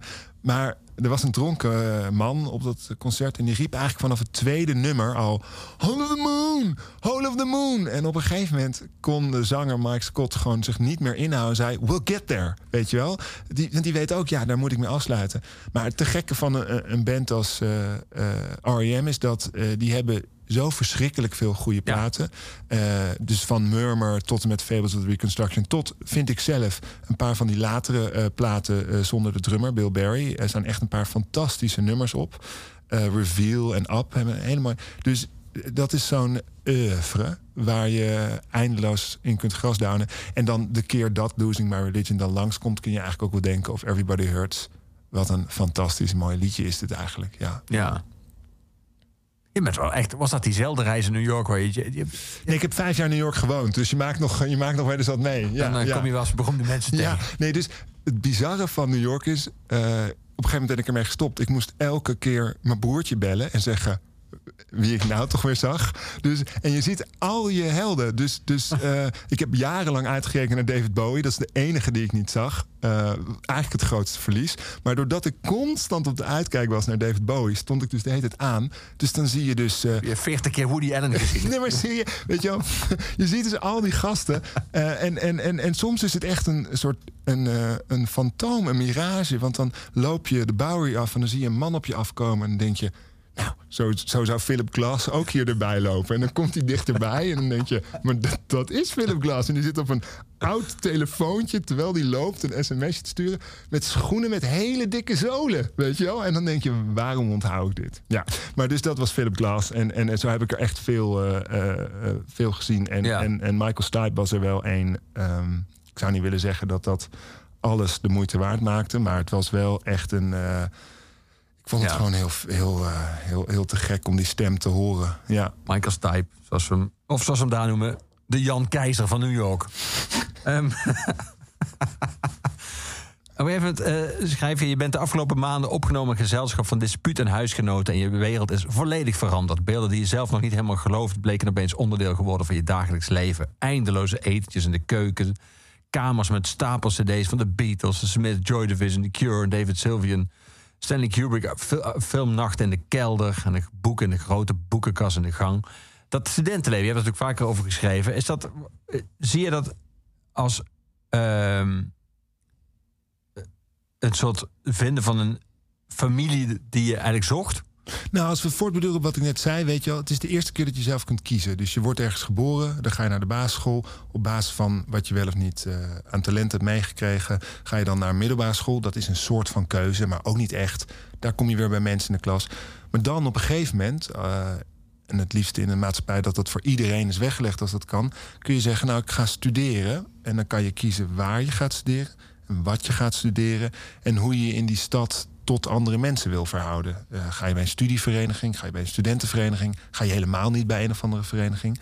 En, en bij die, door die keuzes kun je natuurlijk bij een groep mensen uitkomen die dezelfde keuzes maken. En dus eh, eh, een hoge waarschijnlijkheid hebben van eh, dat ze je kin kunnen worden. Dus mensen tot wie je goed kunt verhouden. En dat heb ik in Niemand in de Stad uitvoeriger behandeld dan in dit boek. Dan kom je in een soort troep of een roedel of zeg het maar. En dat is ook weer een socialisatie of een resocialisatieproces. waarin je ineens misschien niet meer de slimste jongen uit de klas bent. Want je zit met dertien jongens die heel slim zijn. En ineens niet meer de gevatste bent, want het zijn alle die. Dus dat doet wat met je. Maar ook eh, die verantwoordelijkheid waar we het eerder over hadden, zelf mogen invullen. Kijk, als je op de middelbare school zit, hoop ik, gun ik iedereen dat als je in je bed blijft liggen, dat je ouders op een gegeven moment zeggen: Hé, hey, eh, Leon. eh, terwijl daar heb je, je moet zelf kiezen: wat ga ik studeren, welke vakken ga ik dan volgen, en ik moet zorgen dat ik er ben. Dus die. Dat vorm kunnen geven aan je identiteit, een constructie, en de luxe en de tijd krijgen om dat ook te mogen uitbouwen. Eh, Dat is volgens mij heel belangrijk. En in Nederland in het bijzonder. Ik heb dan een tijdje in Duitsland gestudeerd en een tijdje in Amerika gewoond. Vond ik altijd heel bijzonder, en dat wordt steeds meer afgeknepen. Dat die ontwikkeling ook op persoonlijke vlak. Dus dat de studie niet zoveel van je vraagt, of zo snel moet, of zoveel druk op staat. Dat je ook eh, fouten kunt maken in het persoonlijke eh, domein. Waardoor je erachter kunt komen: oké, zo moet ik het dus niet doen. En eh, die periode, zo tussen je 18 en je 25ste kan daar bij uitstek een heel geschikte periode Ja. zijn. Omdat je geen kinderen hebt om te beschadigen. Omdat je zelf nog in de ontwikkeling bent. En omdat je dat met een groep leeftijdgenoten doet. Dus dat de vergevingsgezindheid ook groter is. Kijk, dat ik de oudere generatie van alles aanwrijf... dat heeft ook te maken met dat ik vind dat ze een bepaalde verantwoordelijkheid dragen... voor de aarde en voor jongere generaties. Maar als ik met leeftijdsgenoten er een potje van maak... dan moet ik dat gewoon uitspreken. En er doorheen eh, hopelijk een beetje van opsteken. Dus ook in dit boek, eh, want het gaat van 7 tot 37, is dat een periode in het leven van die verteller. Ik heb het niet zo uitputtend behandeld, omdat ik er al een hele roman over heb eh, geschreven. Eh, dus dus ik, ik schets die veiligheid van het huis en die invloed van die jongens. Ehm, en ehm, ik heb eigenlijk als regel altijd. Ik heb dus wel meer regeltjes. Niet over schrijvers schrijven. Maar hier heb ik dan toch maar de ruimte genomen om te laten zien dat zo'n omgeving ook ondersteunend kan zijn. En dat je je ambities en dromen kunt uitspreken. En dat het een context is waarin mensen elkaar dan zeg maar, kunnen stimuleren. Ja. Van, ja, wat tof. Ja, en, eh, en dus een van die jongens is heel eh, liefdevol in die zoektocht van de verteller om een eh, gepubliceerd schrijver te worden. Worden, ja. Ja, en dat is ook mijn ervaring. Kijk, ik, eh, er is heel veel aan te merken op studentenverenigingen. Eh, Volgens mij, als je mijn boeken leest, komt dat ook naar voren. En er zijn ook wel wat dingen aan die, die, eh, waar we het eerder over hadden, die, die warme gloed van het leven. En één daarvan is dat het verhaal zoals ik het net vertelde, dus in zekere zin al niet klopt. Want het is mijn ervaring dat op zo'n studentenhuis, als je dagenlang in je bed blijft liggen, er dus iemand uit je huis op de deur klopt en zegt: God, eh Phil, hoe gaat het? En eh, die zorgzaamheid, die, eh, ja, God, die, on- die, on- die ontroert mij eh, zeer. eh, vanwege mijn persoonlijke ervaringen. Van, dat ik weet dat dat het verschil heeft gemaakt. Dat Ja. een paar jongens hebben gezegd: daar ga ik me over ontfermen. ja. Ja. Dankjewel, Philip, dat je vandaag was. Met alle liefde. Sluiten iedere oeverloos af met eh, onze postuumhuisdichter Luc de Vos. Dus met een nummer van Gorky. Maar daarvoor wil ik nog één nummer draaien uit jouw lijst. En dat is een nummer waar ik zojuist aan refereerde. Want toen je in een studentenhuis woonde en die kamers open en die cd's lag- zag liggen... was een van die cd's van deze man, van David Sylvian. Ja. Eh, ben je hem altijd blijven draaien? Heb je hem daar ontdekt? Of ken die man? Nee, ik heb hem daar ontdekt. Dus dat is een van die dingen die zo'n biotoop ook aan je geeft. Al die jongens hebben al hun eigen obsessies. Dat gaat in een grote blender en je, of goulash. En dan kan er, dat neem, krijg je allemaal mee. Overigens ben ik heel blij dat je Luc draait. Want ik voelde me zo schuldig dat ik hem niet op het lijstje had gezet. Dat je denkt van... Maar Bowie staat er dus ook niet op. Weet je, als, ja, Had hij je maar tegemoet moeten lopen in New York? ja. Nee, maar soms vergeet je gewoon, zeg maar zo, obvious. Eh, David Sylvian vind ik, eh, ja, dat, dat is zo'n acquired taste. Dus daarvan denk ik niet. eh, ik denk als je Automatic for the People aan iedereen geeft, op een gegeven moment snapt iedereen wel hier gebeurt. Maar David Sylvian heb ik daar leren kennen en ik, ik ben daar dus heel erg diep in gegaan. Eh, omdat ik hem een volstrekt autonome, eigenzinnige eh, kunstenaar vind. En daar wordt in de popmuziek soms nog alles een beetje gemakkelijk over gedaan. En ik vind ook dat we te snel mensen eh, genieën vinden. Maar hij heeft iets, ehm, iets, iets in. hij is contrair zonder dat het een pose is. En hij is ehm, ook eigenlijk geen popmuzikant. Dus ik weet niet meer welk nummer ik heb gegeven. Maar in dat latere werk. Fire in the Forest. Ja, nou, dus heel veel van dat latere werk is dus geïmproviseerd op het moment zelf. Dus hij maakt een soundscape 's ochtends en dan gaat er overheen zingen. En het levert, eh, ja, nou, zet het maar aan, zulke atmosferische eh, muziek op. Dat ik er, eh, dat ik, ik voel dat ik in een auto zit en s'nachts en ik rij. Het liedje heet Fire in the Forest, maar het omsluit je als iets en het brengt je ergens naartoe. Ja, en dat vind ik echt eh, de hoogste vorm van kunst. Oppakken en meenemen. Ja, we gaan naar luisteren. Dankjewel, Philip. Met alle liefde dus.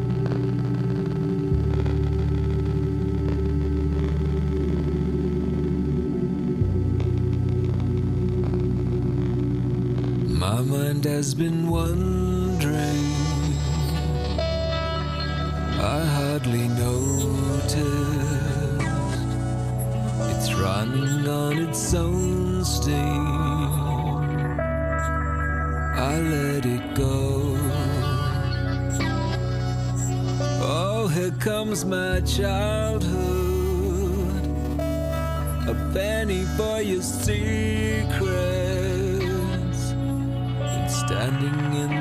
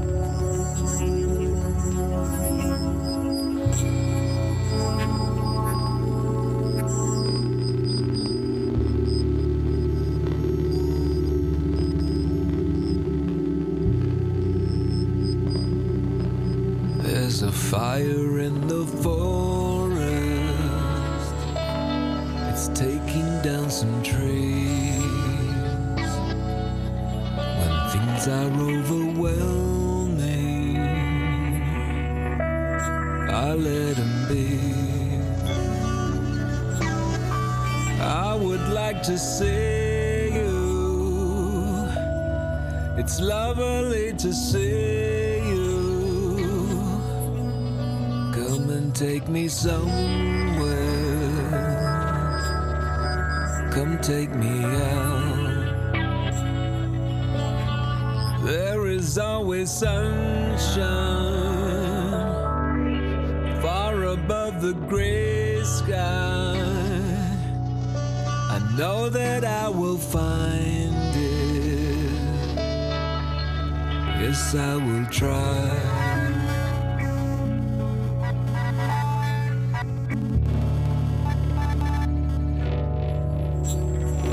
I will try.